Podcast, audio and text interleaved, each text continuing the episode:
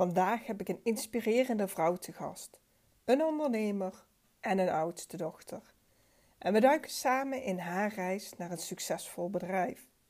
Dit is een persoonlijke podcast die boordevol inzichten zit. En we starten deze podcast door in te zoomen op haar kindertijd. Wie was zij als klein meisje? En wie werd ze als volwassen vrouw? Nieuwsgierig? Luister dan deze podcast.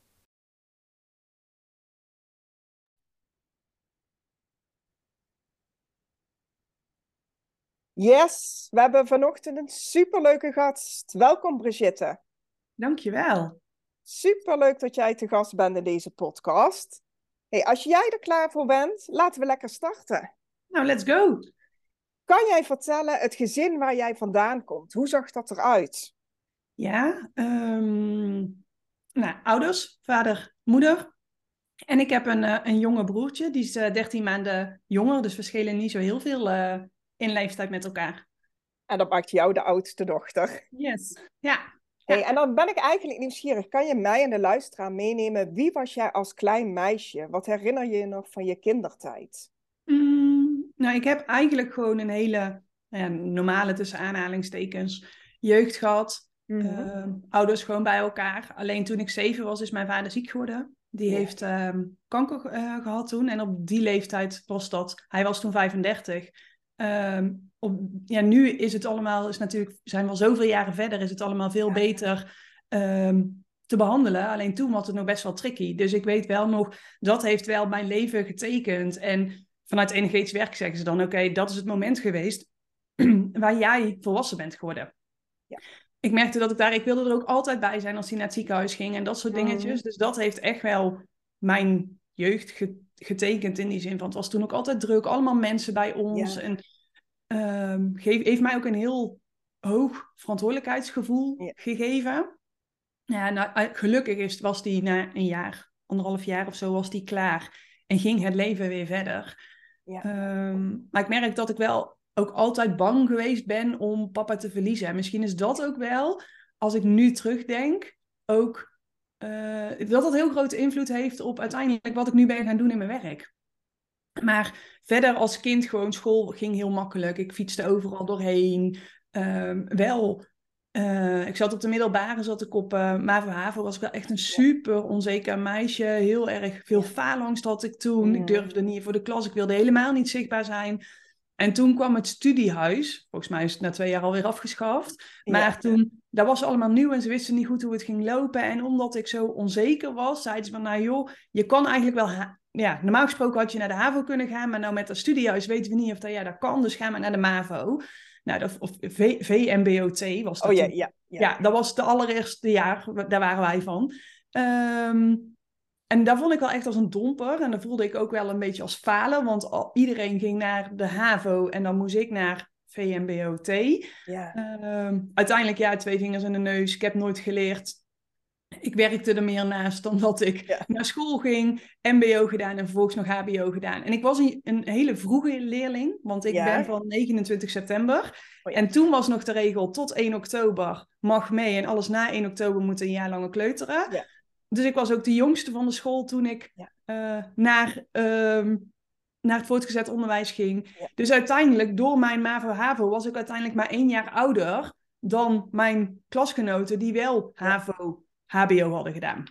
Ja. Dus hey, ja. mooi, mooi. Hey, en jij vertelt, ik ging naar het MBO en daarna naar het HBO. Kan je ons meenemen welke opleidingen? Waar heb je voor gekozen? Ja, ik, ehm, ik wilde toen accountant worden. Ja, je moet jong kiezen en je hebt geen idee. Ja. Ik vond het wel interessant, al die mensen in zo'n dikke BMW leaseauto met zo'n aktentasje lopen. en ik was goed in rekenen en Ja. in economie, dus ik dacht, nou gaan we dat doen. Dus ik heb eerst mbo administrateur gedaan en daarna ben ik gaan werken bij eh Ernst Jong, een van de vier grootste accountskantoren. En daar, daarnaast deed ik dus mijn hbo-opleiding. Oh. Dus ik werkte daar vier dagen en dan nog één dag in de week mijn hbo-studie erbij. Ehm, waar, wat ik net zei, van ik voelde het echt als falen dat ik naar het VMBO moest, was ik vanaf dat moment super dankbaar. Want ik ging daar werken, tegelijk eigenlijk met iedereen die dus ook de HBO-opleiding had gedaan. Mhm. En die hadden echt 0,0 ervaring. En op het VMBO heb ik echt nee, op het MBO, administrateuropleiding, heb ik echt leren boekhouden.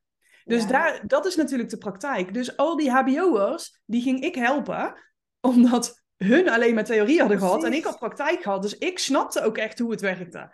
Ja, ja, ja Dus je hebt het niet uit de boeken, maar jij hebt het van de praktijk.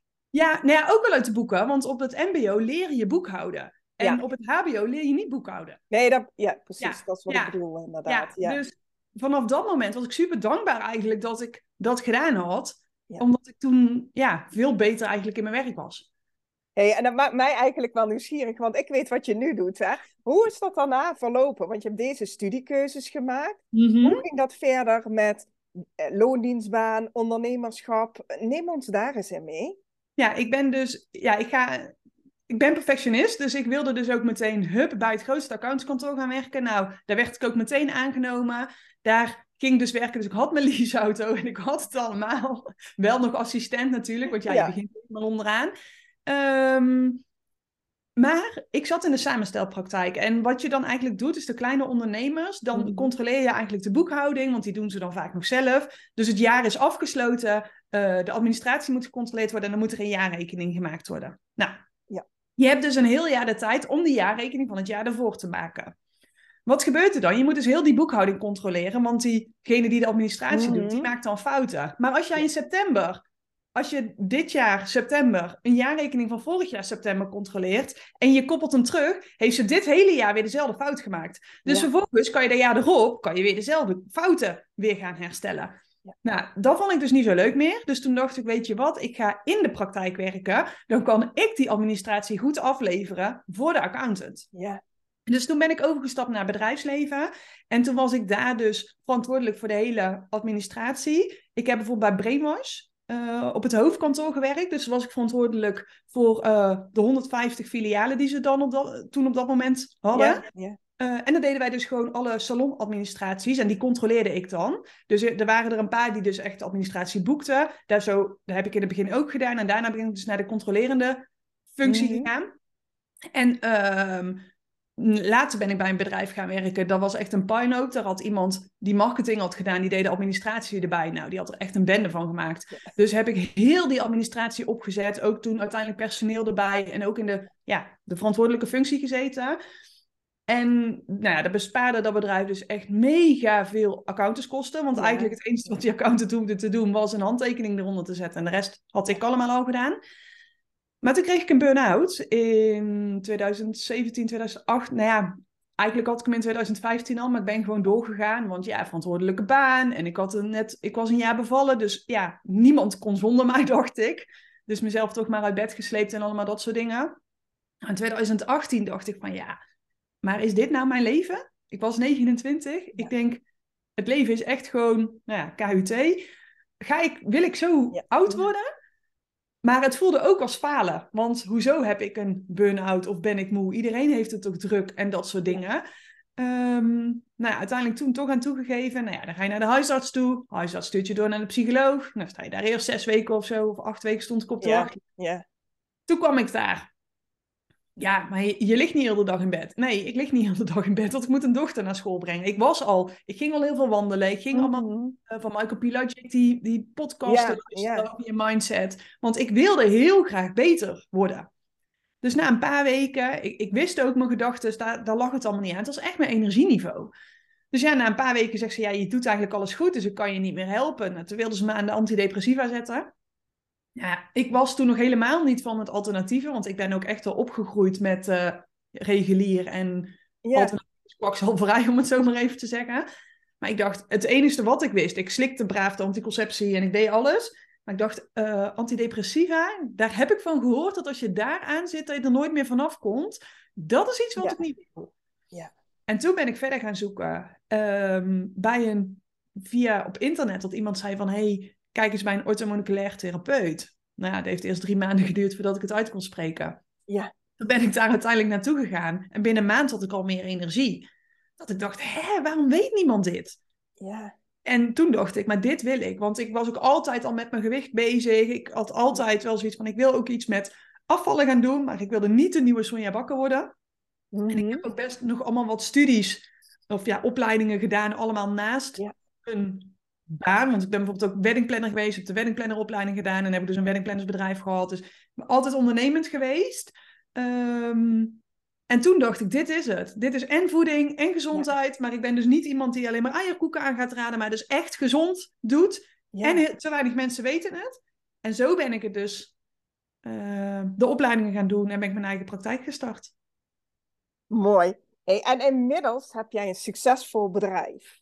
Hm. Wat betekent succesvol voor jou? Ja, dat vind ik lastig. um, want de een vindt het al succesvol als je bij wijze van spreken elke dag op Instagram bent en zo. Want oh, dan ben je heel veel zichtbaar, dus ben je al succesvol. Ik denk dat het pas. Ja, ik denk dat het altijd blijft. Denk ook, ik, ik, ik zeg ook nooit van mezelf dat ik een succesvol bedrijf heb, omdat er natuurlijk altijd verbeteringen zijn. Ja. Misschien vanuit mijn perfectionistische kant. Maar voor mij is succesvol als je dus en genoeg tijd voor jezelf hebt, dus echt heel veel rust kan nemen, uh, je bedrijf gewoon door kan draaien en je zo'n goed salaris eruit kan halen dat je ook nou ja, de meeste dingen kan doen die je wilt doen.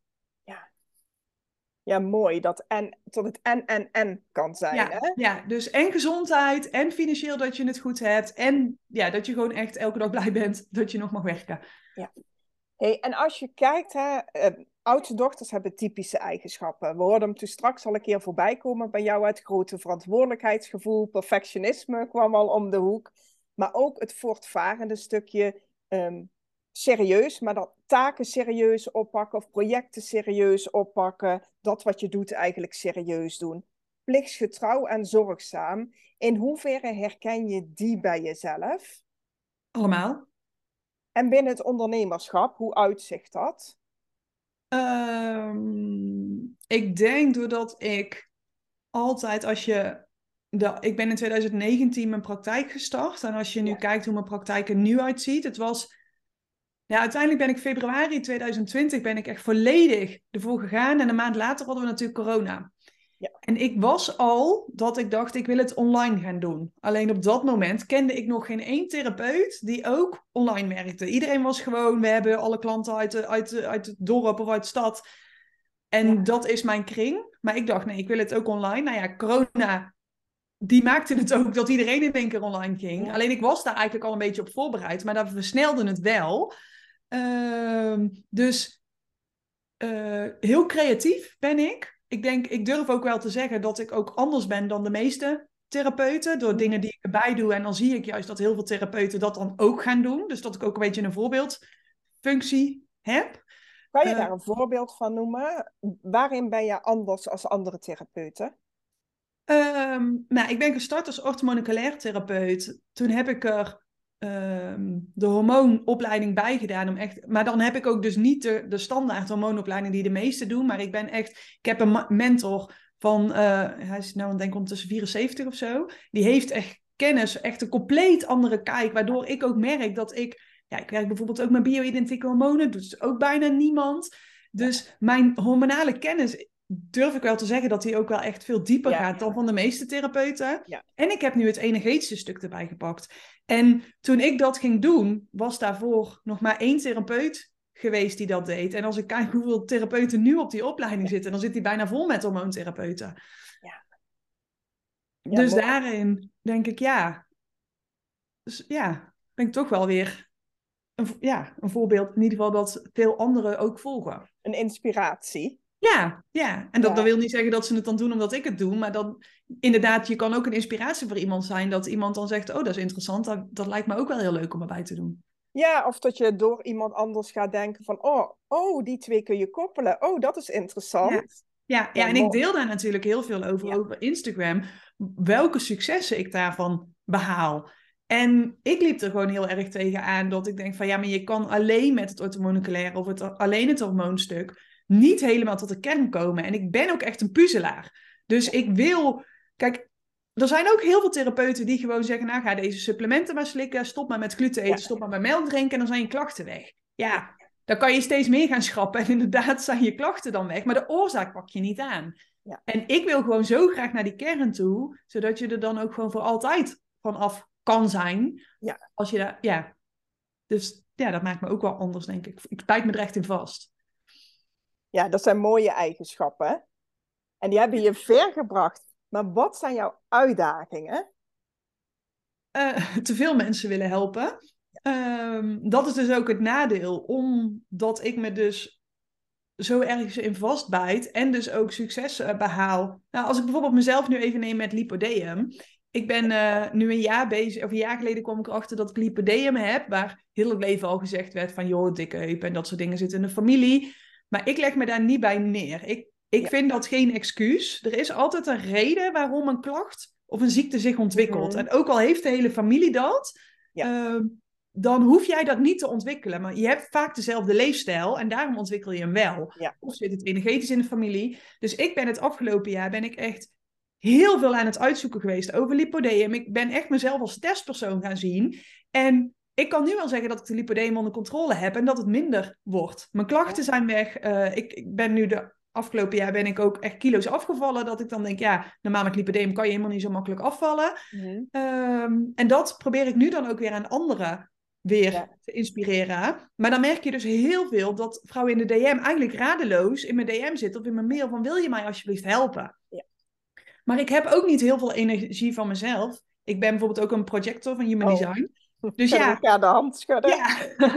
dus dan moet je keuzes maken. En als ik iemand help, wil ik iemand ook goed kunnen helpen. En dat is dus heel erg lastig, want ik zeg dus nog te weinig nee omdat ik dan denk, ja, maar ja, jij, je hebt al zoveel geprobeerd en ik, ik zie gewoon dat jij beter kan worden. Nou, kom maar dan. Maar daar heb ik dan eigenlijk alleen maar mezelf mee. Nou, dit is denk ik een uitdaging die elke luisteraar herkent.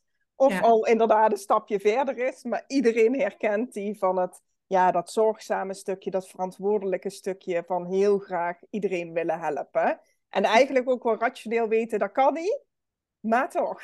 Ja. ja, en daarom dat ik nu ook gewoon veel meer in online programma's en groepsprogramma's ga werken. Omdat het, ook dat is nieuw. In de zin van de meesten willen heel graag één op één geholpen worden. Omdat je denkt van joh, uh, mijn klacht is bijzonder, ik ben bijzonder. Maar stiekem zijn we helemaal niet zo bijzonder. En nee. zo'n 9 van de 10 vrouwen die bij mij komen, ook al hebben ze andere klachten, is de kern hetzelfde. Alleen uit het bij iedereen anders. Ja. En kan je juist super veel inspiratie halen als je in een in een klein, wel een klein groepje. We moeten niet met massa gaan werken, maar echt een klein veilig groepje waar je gewoon je verhaal ook kwijt durft. Kan je juist superveel inspiratie halen uit anderen. Ja. Hoe pakt hij het aan? Waar loopt hij tegenaan? Oh, daar loop ik ook tegenaan. Oh, ik ben dus eigenlijk niet de enige die daarmee struggelt. Dan kan het ook heel fijn zijn om daar zo over te hebben. Dus daar ben ik nu dus meer mee bezig. Om dan toch nog vrouwen te kunnen helpen. Maar dan niet één op één. Want soms zit ik gewoon zes keer op een dag hetzelfde te vertellen. Dat ik denk, ja, ik kan het ook één keer vertellen tegen al die zes vrouwen tegelijk. Dat, ja. Ja. En als we dan kijken, van, eh, je vertelt inderdaad hoe begaan dat je bent met je bedrijf, hè? Hoe um, standvastig je ook bent hè, om je doelen te bereiken. Hoe doe je dat met werk en privé? Um, ja, het mooie toverwoord balans, waar we het dan wel eens over hebben. Maar hoe doe je dat om in allebei energie te steken? Nou, dat is dus een van de redenen waarom dat ik mezelf dus nog niet succesvol noem, is omdat ik dat dus nog niet in balans heb. Ja. Omdat werk toch vaak dan weer deadlines geeft, uh, dat ik denk van ja, dat moet ik nog eventjes doen, waardoor ik vind dat ik mhm. te weinig privé aanwezig ben. Maar als ik naar heel veel andere vrouwen kijk, dan denk ik, nou, ik ben wel weer best veel privé aan, aanwezig. Alleen die balans is voor mezelf nog niet helemaal goed. Dat ik denk, ja, ik wil als ik thuis ben ook 100% thuis zijn en niet nog de druk voelen van, oh, even op Instagram kijken of dat ik misschien nog een DM heb gehad van iemand die ik moet beantwoorden. Uh, ik heb wel nu een VE op mijn mailbox staan, dus die druk is weg. Maar ik, ja, ik voel wel 24-7 de druk of zo dat je bereikbaar moet zijn voor iedereen, terwijl dat, dat eigenlijk helemaal niet hoeft. Dus daar ben ik mezelf wel aan het leren om dat af te bouwen. Ja, ik vind het goed dat je dit deelt. Weet je, dit zijn van die onderwerpen, denk ik, waar heel veel mensen mee stoeien. Zo van, oh, hoe doe je dat? En je hebt soms die bubbel, eh, nou ja, onder andere op Instagram, hè, dat het lijkt alsof iedereen het voor elkaar heeft. En toch stoeien we met dit soort thema's. Ja. Zo, dus ja, ik vind het mooi dat je dit uh, open deelt in deze podcast. Zo van, nou, weet je, ja, ik noem mezelf daarom niet succesvol. Dit, dit mag voor mijn gevoel nog verbeterd worden. Ja, want ik denk dat naar de meesten die starten met een eigen bedrijf met, oh, dan heb ik vrijheid, ik kan mijn agenda indelen zoals ik wil en dan kan ik vrij nemen wanneer ik wil, terwijl ik veel meer verdien. Dat is voor de meesten denk ik een reden om als zelf te beginnen.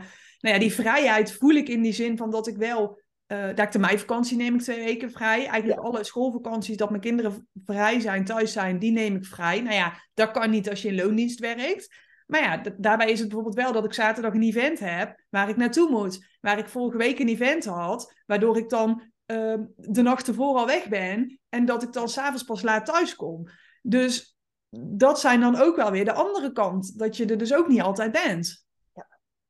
En dat is nog lastig, maar dat is denk ik ook weer een stukje loslaten, controle. Dat je ook niet de belangrijkste persoon hoeft te zijn als je daar... We hebben bijvoorbeeld gisteren een gesprek gehad met een oppas die dus op dat soort dagen ook extra uh, kan komen. Dat als ik op een vrij, op woensdag ben ik bijvoorbeeld normaal altijd vrij. Ja, ik heb een, aankomende weken een aantal keer dat ik op woensdag wel een event heb of zo waar ik naartoe moet. Ja, dan is het fijn als je gewoon iemand achter de hand hebt die je meteen kan bellen van, joh, kan jij dan? Want dat geeft ook weer rust en balans ja, dat is die uitdaging, die zoektocht hè, van hé, hey, hoe ga ik dat doen? Zodat ik en en, zodat jij inderdaad op dat event kan staan, maar ondertussen het thuis goed geregeld is. Waardoor je het dus los kan laten. Ja. ja, en mijn vriend is ook ondernemer. Dus die kan wel zeggen van dan neem ik vrij, maar vervolgens loopt het bij hem ook weer op. Dus als je allebei ondernemer bent, dan maakt het dan wel extra lastig voor de thuissituatie. Zeker, zeker. Ja. Als je kijkt, welke eigenschap heeft jou nou het meeste geholpen de afgelopen jaren in het bouwen van een bedrijf? Ik denk mijn doorzettingsvermogen en dat ik me ergens in vastbijt. En dus niet heel snel laat zeggen. Nou, ik ben dus een, een 3-5 projector.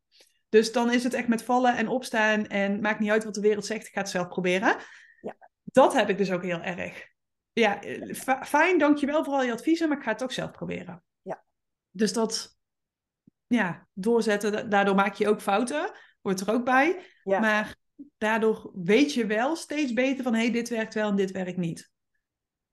Hey, en hoe heb jij geleerd dan, want uh, doorzetten kan ook betekenen dat je over je eigen grenzen heen gaat. Want hey, weet je, dit doel heb ik gesteld en dat ga ik halen. Um, hoe heb je dat geleerd, zeg maar? Nou, ik heb niet van niks een burn-out gehad.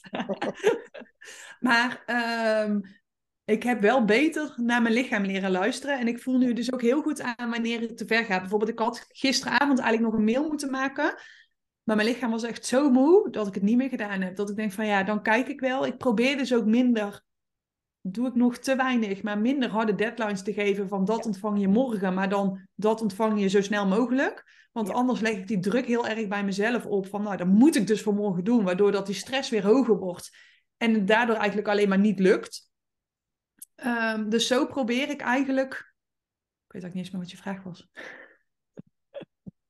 Ja, hoe jij dat deed met, oh, met de eigenschap doorzetten en dan toch goed voor jezelf zorgen. Ja, dus ik, ik zet mezelf wel meer op de eerste plek, maar nog te weinig. Dat ik bijvoorbeeld, ik weet dat ik heel ga, goed ga op twee, drie keer per dag een half uur wandelen. Ja ja, dan schiet er dan nog wel bij je van, oh, nog even snel dit. Of ja, dan ga ik straks al wandelen. En dan schiet daar wandelen bijvoorbeeld weer bij in, omdat dan het werk weer even voorgaat. Ja. ja. Ja, herkenbaar ook hoor. Daarom ga ik s'morgens vroeg als eerste wandelen. Dan heb ik die eerste al afgevinkt. Ja, ja, die doe ik inderdaad ook. Maar op het moment dat mijn lichaam het echt aangeeft, dan is het wel stop. Dus ik ga vaak over mijn grenzen op het moment dat ik me goed voel.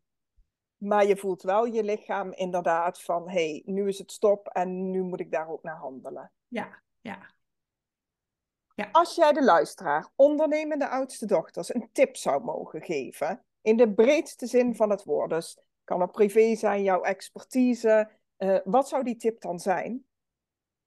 Sowieso luister naar je eigen intuïtie, want je omgeving wil je altijd veilig houden, maar dat is niet voor jou het beste heb ik daar eigenlijk meteen een vraag over. Want de meeste oudste dochters zitten heel erg in hun hoofd. Dus mhm. hij klinkt heel simpel, hè? luister naar je intuïtie. Wat zou dan een mooie eerste stap kunnen zijn om wat meer naar je intuïtie te luisteren?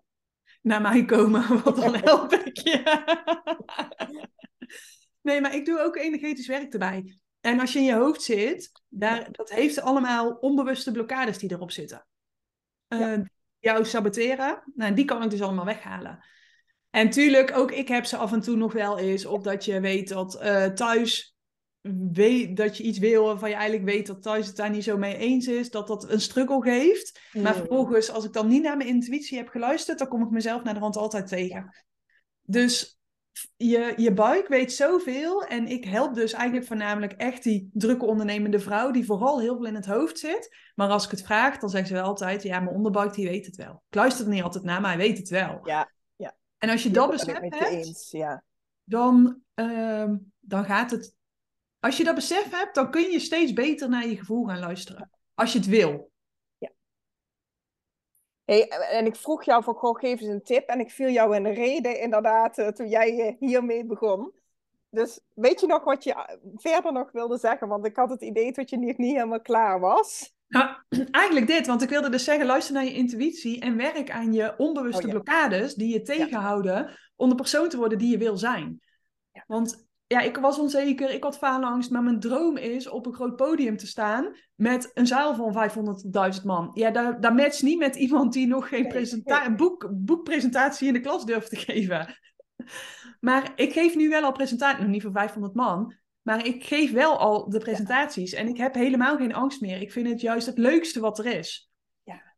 En dat kan alleen maar doordat je die onbewuste trauma's, want vaak krijg je ze uit vorige generaties en zo al mee, Ehm, als je die oplost. En dat maakt jou echt, ja, jezelf. Dat je bij je kern komt.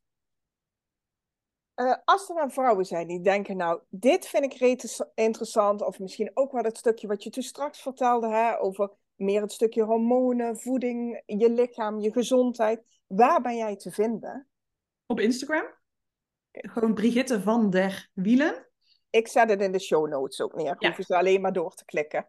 Ja, nou daar kan je me vinden. Ik heb ook mijn website, maar mijn website is niet helemaal meer up-to-date. Want er staat bijvoorbeeld het hele energetische staat daar niet bij. Maar zeker in mijn één op één neem ik alles mee. Dus dat wat je nodig hebt, dat, dat gaan we doen. Ehm, ja, en ik maak gewoon ook verschillende losse programma's. Maar die staan dus ook nog niet allemaal op mijn website. Maar op Instagram komt het allemaal voorbij. Ik ga het in de show notes zetten, zodat ze jou terug kunnen vinden. Leuk. We zijn ondertussen al bijna een half uur aan het kletsen samen.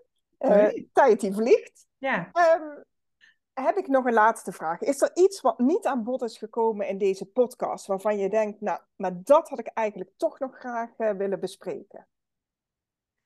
Nou, dat ik het wel heel belangrijk vind om ook goed aan jezelf te denken. Want die oudste dochters, die denken vooral heel veel aan een ander en niet zo goed aan zichzelf. Maar jij, ja, dan krijg je natuurlijk die clichés weer in het vliegtuig. Moet je ook eerst je masker opzetten. Maar zo werkt het ook in je bedrijf. Je bedrijf is een weerspiegeling van jou. Dus als jij geen energie hebt, als jij niet lekker in je vel zit, dan gaat het in je bedrijf ook niet lopen. Dus we stoppen heel makkelijk geld allemaal in business coach en nog harder groeien, want dan kunnen we nog meer omzet maken. Maar vaak zit de blokkade in jezelf.